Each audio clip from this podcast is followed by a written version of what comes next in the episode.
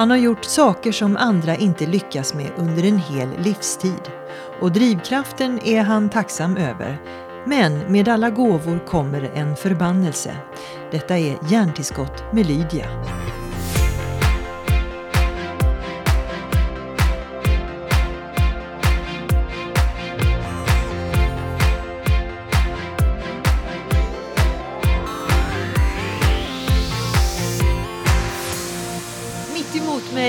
Milad Mohammadi. Och vet du vad som är roligt Milad?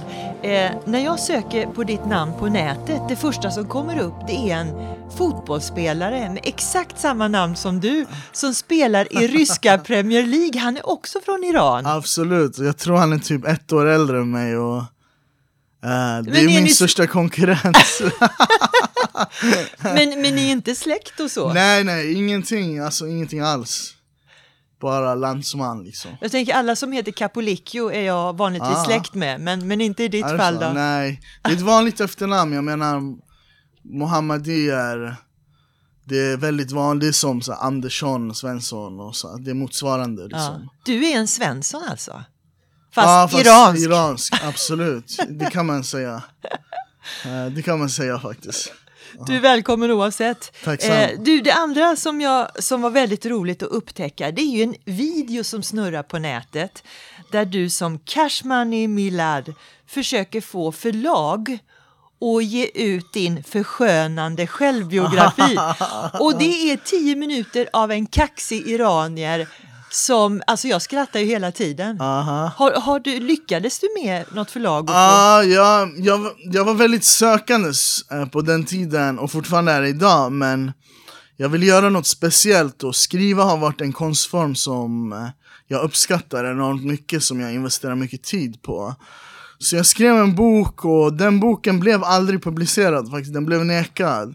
Däremot så håller jag på att skriva en bok nu så jag har fått min revansch på det sättet och jag har liksom avtal, kontrakt och så hos ett förlag och så. Så det kommer en självbiografi alltså? In, ja, ungefär en självbiografi. Jag har ändrat lite på mina tankar. För jag tänker så här, vilken 28-åring skriver en självbiografi? Skojar du med mig? Du vet, så, alltså, man, du, vet, du väntar typ tills du blir äldre, du, då är det väldigt intressant. Men jag skriver lite om eh, det jag vill förmedla och är redo inför att förmedla. Det är att för, visdom som jag har fått trots min ringa ålder, liksom trots att jag är 28 år gammal så har jag lärt mig extremt mycket om livet, om svårigheter, om jag har fått eh, uppleva extremt mycket trots min ålder. Både gott och ont liksom. Och det, det vill jag förmedla vidare på ett konstruktivt sätt till yngre. Ja, jag förstår det. Så, här, så för att rusta, upp, eh, rusta sig inför framtiden och den komplexa världen vi lever i. Men du, vi ska prata om din bakgrund också som är också är en Absolut. fantastisk. Men det är ju lite, eh, om jag får jämföra det med en annan person som heter Zlatan Ibrahimovic. Ah. Eh, så är ni, ni, alltså den här kaxigheten som jag också känner igen från min egen kultur, att man Ah. tror att man är bäst i världen. Absolut. Eh, och iranier är extremt skrytsamma. Alla jag känner, Självklart. alla Ja. jag känner som Ja, iranier, ja, alltså. de är the god and goddess of the world. Varför är det så? Just iranier eller du menar Ja, vi tar generellt? iranier, Ja, vi jag tror, vi kommer ju från ett tidigare ett rike, alltså ett persiskt rike som hade väldigt stor så här, erövringsanda. Men vi kommer också från med en historia av akademi, av kultur, av ett arv, eh, av ett väldigt starkt kulturellt arv. Och det här kulturella arvet eh, eh är iranier är vi extremt stolta över. Jag menar, Uh, mänskliga rättigheter, du vet, till och med på persiska, under persiska rikets tid var liksom en självklarhet. Och Darius som var en av kungarna hade liksom på den tiden utvecklat fram mänskliga rättigheter. Och hur många tusen år bakåt Jag pratar kan vi inte nu? det där, alltså, historia är inte min grej. eh. Men visst är historien viktig? Tänk om vi Ja, ja, 100%. förstod bättre alla Absolut. kulturers historia liksom. Absolut, jag menar historia, även om jag inte har det som huvudområde, det är extremt viktigt för att kunna förstå vem vi är idag och hur vi, vad, hur vi beter oss också. Tänk, tänk dig bara, jag menar, eh, romer som har en väldigt lä- låg roll i svenska samhället och i världen idag. Mycket diskriminering, mycket utanförskap. De har 600 år eller mer av liksom, förföljelse och, och då, då förstår man liksom så, ah, utsattheten och, eh, och beteenden och liksom eh, välmående. Och du vet, det är extremt viktigt med historia. Jag menar, tyvärr, vi pratade innan om politik och tyvärr politiken idag tar inte an sig det historiska perspektivet över vad som har hänt för att liksom inte det ska upprepas. På allvar i alla fall. Och um, historia det är kul, jag menar jag försöker läsa och förstå varför saker och ting som de är och där historia spelar extremt stor roll. Så det är någonting jag inte skulle ta bort i skolväsendet idag som ett ämne. Alltså, Det hoppas jag verkligen Ah, inte man gör. ah. Men du Milad, du skulle alltså bli, du är 28 år, det fick vi höra Ja, här nu. absolut. Men du skulle bli diplomat. Absolut. Du skulle slå Jan Eliasson, vår toppdiplomat, och bli tio gånger bättre har jag Ja, hört absolut, att det skulle. Absolut. Eh, eh, vad fick dig att... Jag Backa. tror en realistisk insikt över såhär, ey, jag är ingen diplomat, såhär, ey, jag är entreprenör. Eller jag är konstnär. Alltså jag gillar att skapa, jag gillar att vara progressiv och mycket tänja på gränser och mycket så utanför boxen. Och jag insåg under den tiden, jag tror det var efter hälften av min ut, mina utbildningar Och som var, vad var det för utbildningar? Uh, ju, juristprogrammet, uh, juristexamen och politisk kandidatprogrammet och då var det statsvetarexamen eh, jag tog. eh, så de två. Uh, halvvägs så insåg jag Alltså det här är inte min grej, alltså, jag måste jag, jag uppskattar den analytiska förmågan jag har fått Och så här, ordförrådet, det har varit extremt viktigt för min resa och uh, förståelsen för system och strukturer och politik och lagar och regler och sådana här saker. Det uppskattar jag extremt mycket. Det använder jag dagligen i mitt arbete trots att jag inte jobbar som jurist, statsvetare eller blev, di- blev diplomat. Inte ens blev det liksom. Sen har jag vänner som går diplomatprogrammet, de har fett tråkigt ska jag säga till dig alltså. Eh, Man kanske så- måste ha lite tråkigt innan man får kul lite längre fram då? Absolut, jag tror på en balans i livet. Jag tror på långsiktighet och att, eh, vad säger man, eh, vänta på något. Den som väntar på något väntar aldrig för länge. Jag tror man kan vänta för länge och det gör många idag, tyvärr. Ja. Men det, det är också många som väntar, in, inte väntar alls. Så jag tror en balans däremellan. Men man ska göra det man tycker är kul, och man ska göra det man brinner för, man ska göra någonting som är viktigt för en. Inte bara jaga karriär och liknande. För den ytliga bekräftelsen man får, den, den, den tar slut. Alltså den, den ger ingen tillfredsställelse som är långsiktig. Som många tror innan de har den. 100 procent. Uh, Men du, hur kan det komma sig att du dessutom nu för två år sedan startade en skola i Järva?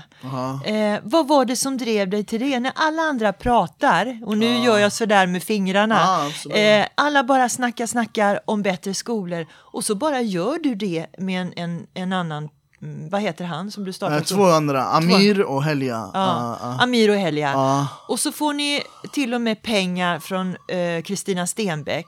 Ja, exakt, exakt, Hur, vad, hur lyckades ni med detta? Och hur går skolan?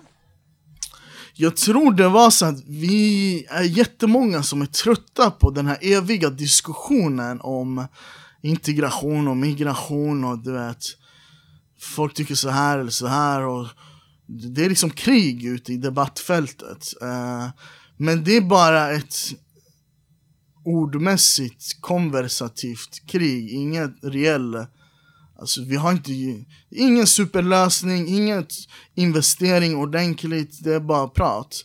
Så vi var extremt trötta på det här och jag har haft den här drömmen länge. Jag har haft den här drömmen sen jag var liten för jag växte upp med science fiction och tv-serier och, och X-Men, den tv-serien eller den uh, tecknade serien. Professor Xavier som är då en av huvudpersonerna som tar hand om alla mutanter har en egen skola. Och den skolan är inte för mutanter som man säger, utan den är för gifted ones. Så metaforen är att mutanterna i X-Men är utsatta människor som alla har gåvor. Och det, den parallellen ser jag med Eh, förorter och miljonprogram, att det finns människor med gåvor, alla har sin unika gåva. Vi måste bygga en skola för just dem. Så där bottnade idén, surrealistiskt nog. Men det är sanningen och jag lyckades träffa Amir efter att han dissade mig i ett halvår. För jag hade den här idén och jag var inte redo då. Jag var lite för galen på den tiden skulle man kunna säga. Den tiden, vi pratade om två, tre år sedan eller någonting va? Ja, fem kanske. Fem, okej. Okay. Ja, ja, exakt. Ja, exakt, något sånt där. Fyra kanske. Och uh, nej men alltså han hade för mycket att göra och du vet han var med den här snubben typ så. Sen när det gick bra för mig och så här och då presenterade jag idén till honom. Uh, och då kom han och lyssnade på mig på ett tal och där uh, blev han intresserad av att använda sina egna tankar om stadsdelsutveckling. För han ville göra någonting som skapade enorm skillnad. Vem är Amir för de som inte vet vem det är? Amir Sayadi är en av Sveriges, uh, enligt mig, pionjärer inom social innovation, socialt entreprenörskap. Mm. Han är den som kan mest i den här frågan och den som gjort mest på egen hand han har investerat i bolag och startat egna bolag som tillför inte bara affärsnytta utan också samhällspåverkan. Så han ville gå från de här små bolagen som han har startat till att göra någonting stort och systematiskt som kan påverka på ett systematiskt plan. Och det är det som är idén med Järvaskolan, den modellen, eh, är att vi ska ha en systematisk strukturell modell som kan påverka inte bara våra områden i miljonprogram utan hela Sverige och mm. kanske globalt någon vacker dag. Liksom. Men du, ni hade ju lite svårt att få en, en uh, rektor via vanliga annonser eftersom ingen ah. rektor ville jobba 16-18 timmar. Ja, ah, just det. Just det. Vilken rektor sa äntligen ja då? Ja, ah, Helja sa ja och Helja är Eh, en av de bästa migrationsjuristerna i det här landet faktiskt. Vi är alla iranier, eh, konstigt nog. Men de här två är mina bästa vänner.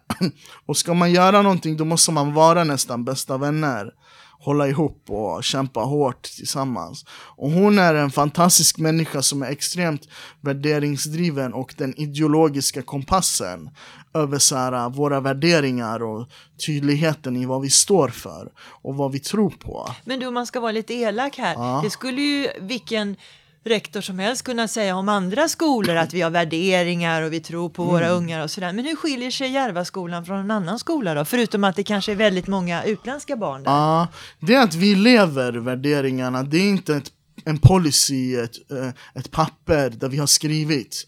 Utan vi genomsyrar en väldigt stark värdering om alla människors lika värde, om feminism, om eh, potentialen i individen och i kollektivet och satsa hårt med kärlek, du vet att eh, eh bygga starka förband, eh, band eh, mellan liksom elever och all, alla medarbetare och alla familjer i skolan. Är familjerna med på det här? Föräldrar och sådär? Eller hur, hur, hur, gör ni? För många föräldrar kanske inte har haft orken att engagera sig i barnens utbildning. 100 procent och vi är väldigt tydliga med uh, att bjuda in föräldrar och inte bara föräldramöten men också alltså hembesöken som jag beskrev under min föreläsning här på Hjärntillskott Eh, men också, de är välkomna när de än vill. De kan komma, de behöver inte ens säga, de kan bara komma liksom. Har ni någon statistik mm. efter två år hur, hur studieresultaten är, hur de mår och, och sådär? Vad säger Skolverket? Ja, uh, vi har viss statistik. Jag kan inte allting utan till men det jag kan är så att runt 90% av eleverna, vi startade med sjuor och åttor, sex klasser för två år sedan. 90% har höjt sina betyg. Och vi är lite så här, vi borde ha börjat tidigare än högstadiet. Uh, för då hade vi kunnat fånga upp människor i ännu tidigare ålder. Men vi är här där vi är idag med våra förutsättningar och det kan bara bli bättre. Mm.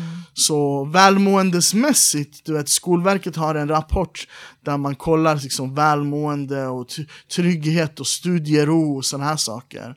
Och vi är över rikssnittet, vilket är väldigt intressant med tanke på att de flesta skolor i dessa områden runt omkring Sverige är liksom, det är väldigt låga resultat på alla fronter. Och vi har kunnat krossa de myterna genom ett, bet, ett, ett rätt ledarskap av Helja och Amir främst. Jag mm. menar, jag har bara varit vid sidan. Det är de som har gjort allting tillsammans med lärarna. Jag har bara varit vikarie någon gång då och då liksom. Och så här, uh, inte bara och bara, jag har stöttat mig ekonomiskt och jag har stöttat på alla sätt jag kan med mina kontakter och sådär. Och vi har kämpat tillsammans. Men jag försöker bara vara ödmjuk inför att det är många som har kämpat för att den här idén ska bli förverkligad och bli där den är idag. Mm. Men du, vad fick du, eller vad får du din drivkraft från? För många, både dina och mina föräldrar har kommit till Sverige för att ja. förvänta sig ett bättre liv. Liksom. Men, men, men eh, har du uppnått målen för deras skull eller hur har du tänkt? Nej, det har inte varit för deras skull. De har faktiskt aldrig vad ska man säga, placerat en traditionell iranierpress på mig. De har låtit mig göra min grej. De har varit oroliga för att jag inte går i en traditionell riktning. Men sen när de såg att det gav resultat så nu är de lugna. Nu är de så här, jobba inte så mycket, du vet. Så här. Alltså jobba mindre Mila, säger de till mig. Men eh, min drivkraft är... Uh, jag har försökt definiera den och det är lite olika men det är passionen för spelet uh, och passionen för människan. Ett, jag tycker om att bli bäst på saker och ting, alltså perfektion och inte perfektion men att bli bättre, du vet. Och två, jag älskar att kämpa för någonting som betyder någonting. Du vet, för människors liv, ett viktigt ämne, ett område någonting som kan påverka andra. Men du, vad du, det du har gemensamt med många andra entreprenörer det är ju Eh, har du, jag måste fråga, har du ADHD? Eller ah, någonting absolut, sånt där? Ah, och, och, det, vuxen ADHD. Vuxen ADHD. Vad är skillnaden? Vuxen Nej, jag har fått det i vuxen ålder, jag hade inte det förut faktiskt. Va? Kan man få det bara sådär? Ja, absolut. Inte bara sådär, jag vet inte hur det har utvecklats. alltså. ah. Men det är någonting som numera har blivit en tillgång. Innan, bara för några år sedan, så pratade folk om ADHD absolut, som något ja, fult. Absolut. Och det är intressant det där med språkets liksom, riktning och hur man tolkar saker. Och du vet, jag anser att alla har sina gåvor oavsett. Och de gåvorna kommer med en förbannelse också. Alla gåvor kommer med en förbannelse. Det spelar ingen roll om det är en diagnos, en personlighetstyp, en eh, egenskap, en förutsättning. Allting kommer sina, med sina goda sidor och dåliga sidor. Så för mig, det har varit så här,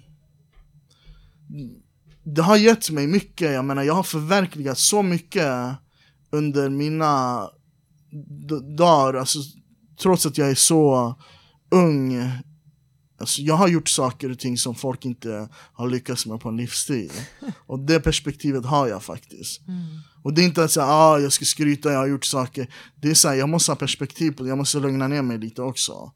Och därför nu, nu i och med hjärntillskott, nu efter det här, jag har tagit i allt vad jag har under de här föreläsningarna. Jag skulle vila lite nu. Och uh, du vet allting, man måste ha balans i livet. Och, och, det är det som gör så att jag tror jag kommer vara långsiktig. För man måste vara långsiktig lika mycket som man måste vara effektiv. Uh, och det är det som vi glömmer bort, vi lär oss inte. Vad är långsiktighet? Vad är sundhet? Vad funkar för mig? Apropå uh, talaren innan mig, vad heter han? Uh, Ingmar Stenmark. Ingmar, Ingmar, ja. Ingmar Stenmark. Han sa ju, du vet, han lärde sig, han berättade ju om att han kände efter, du vet. Över så här, okej okay, nu har jag tränat för hårt, nu måste jag vila. Och det här har jag också lärt mig. Över så här, nu måste jag vila och så. Jag menar... Uh, jag, är det kopplat till diagnosen menar du? Generellt? Uh, inte nödvändigtvis, men kanske på grund av diagnosen så har jag varit tvungen att lära mig det här. Alltså det kanske är kopplat. Men eh, diagnoser, jag menar, etiketter kan vara farligt men det kan också vara ett sätt för att bara identifiera människors gåvor och, och det de är mindre bra på. För man måste erkänna, jag är sämst på vissa saker.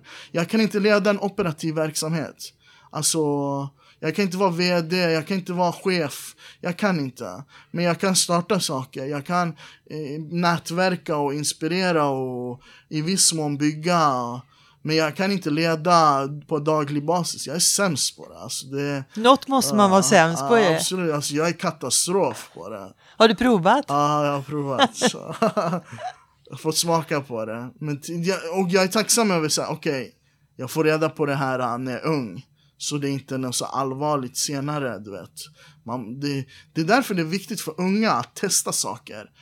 Du vet, 20 till 30 år, du liksom testa allt du, du kan tills du hittar det som passar dig och det du passar för. Men tyvärr på grund av den här hetsen och det här bekräftelsebehovet vi har och karriär och hit och dit. Folk tror att de måste låsa sig till vissa saker och satsa hårt. För att hela deras identitet hänger på det. Uh, vi måste bygga upp ett samhälle där det är okej okay att misslyckas, det är okej okay att testa saker och ting. Även i kulturens sfär. Alltså, det måste kännas som det. Vi vet att det är bra att misslyckas för att vi lär oss läxor. Men det, det förändrar inte att kulturen säger till oss att du skämmer ut dig. Liksom. Och det är också en stor utmaning att få och det liksom att och vara någonting som inte folk eh, använder emot eh, unga som misslyckas till exempel. Absolut, absolut. Ja, så det är det jag brinner för, till att ändra systemet, till att här, främja de sakerna som eh, gör nytta och tankesätt och, och engagem- hur, hur vi engagerar oss och sådär. Men Så- du, när man går in på din hemsida, vilket jag har gjort, så har du eh, i, i, i god eh, traditionell iranskt maner skrivit alla eh, positiva saker folk säger om dig. absolut. Och det är Ste- Stefan Löfven och det är toppdiplomaten Jan Eliasson, alltså det är verkligen, och bankchefer som öser lovord över dig. Absolut. Eh, alltså, kommer du någon gång själv och utnyttja dina kontakter för att förverkliga andra drömmar du har? Det försöker jag göra hela tiden. Jag menar, skolan, att expandera den, att göra den bättre och sådär. Det jag får när jag står på scen, förutom att jag älskar det och du vet, själva spelet, konsten att tala, så är det att det ger ett extremt bra nätverk och en bra plattform för att förverkliga saker.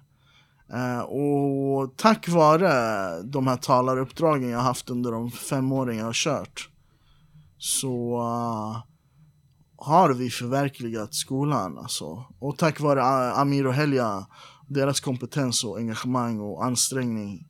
Men du vet, så här, inledningsvis, du vet, utan talandet hur skulle jag kunna gå till Skanska, du vet, och, för jag föreläst för dem 15 gånger och de, de renoverade allt för självkostnadspris, hela skolans lokaler. Du vet, hur skulle vi kunna göra det? Och det, det var akut också, det var så två månader innan. För vi fick lokalen då och uh, det var en väldigt turbulent tid och vi visste inte om vi skulle lyckas eller inte. Men de ställde upp direkt liksom. Och det var något bolag som hade hoppat av. Så vi bara, hur ska vi göra? Så jag mejlade Skanskas VD. Bara, vi behöver hjälp. Och de hjälpte oss. Du vet. Och det här hade vi inte kunnat om inte jag hade liksom lyckats tala för hela Skanska och så vidare. Uh, och andra partners och eh, kontakter och så. Så jag tänker nyttja mina kontakter, det tänker jag göra. Eh, förhoppningsvis anser människor att jag gör det i gott syfte, vilket jag innerst inne tror att jag gör. Liksom. Mm. Du, när du kom till Sverige eh, så berättade du i alla fall eh, på scenen här nyss att det var väldigt tufft. Eh, och, och jag menar, det kanske inte förvånar eh, många som har gjort liknande resa. Men, men eh, eh, du upplevde psykisk ohälsa. Så här, varför blev du så deppig av det nya landet? Jag vet inte om det är eh, det nya landet, vilket jag tror har en faktor, men jag är inte säker på det. Eller om det är sammansättningen och hur vi fungerade i familjen eller mina föräldrars avsaknad av eh, möjligheter på arbetsmarknaden. Eller alltihop helt enkelt. Uh, jag tror det är alltihop. Men jag har hela mitt liv varit en väldigt introvert tänkande människa. Och jag vet att många tänkande människor, de har svårt att navigera sig framåt i samhället. Jag har lyckats göra det på ett väldigt bra sätt. Men jag har mina demoner. Och tänkande människor som tänker för mycket och har ångest och är depressiva och, och andra typer av destruktiva tankar. Uh, det är inte lätt. Och, uh, vi lever i ett samhälle idag där den psykiska ohälsan ökar. I västvärlden i synnerhet, och inte bara i Sverige. Men folk mår inte bra alltså. Uh, unga såväl som vuxna. De mår inte bra. Och vi jobbar inte med självkänsla och självinsikt och självrannsakan och spiritualitet. Även om jag inte är troende på en högre makt så vet jag att vi är spirituella varelser. Eh, liksom som människor. Uh, vi jobbar inte med de här sakerna på ett väldigt konstruktivt sätt i skolan, i, i du vet, eh, yrkesverksamma arbetslivet och så här och uh, vi pratar inte så mycket om de här sakerna. Nu äntligen när folk typ tar livet av sig själva så börjar vi, okej okay, vi måste prata om det här du vet så. Innan dess, ingen, väldigt få pratar om det. Hur fångar ni upp det i skolan då? Vi jobbar mycket med liksom elevhälsoteamet som det kallas. Och det här och det, ingår helt enkelt? Ja absolut, det ingår till och med i det naturliga. Och många gör det bra, men det behövs en betoning, det behövs en investering i det här. Och eh, jag personligen kan relatera till människors du vet, svårigheter därför. Jag tror jag har tack vare, om man kan säga så, den här svårigheten byggt upp en väldigt stark empatisk förmåga att kunna känna det andra känner och hur de mår. Och det ger mig också, eftersom jag har vissa värderingar, jag är extremt omtänksam och snäll av mig.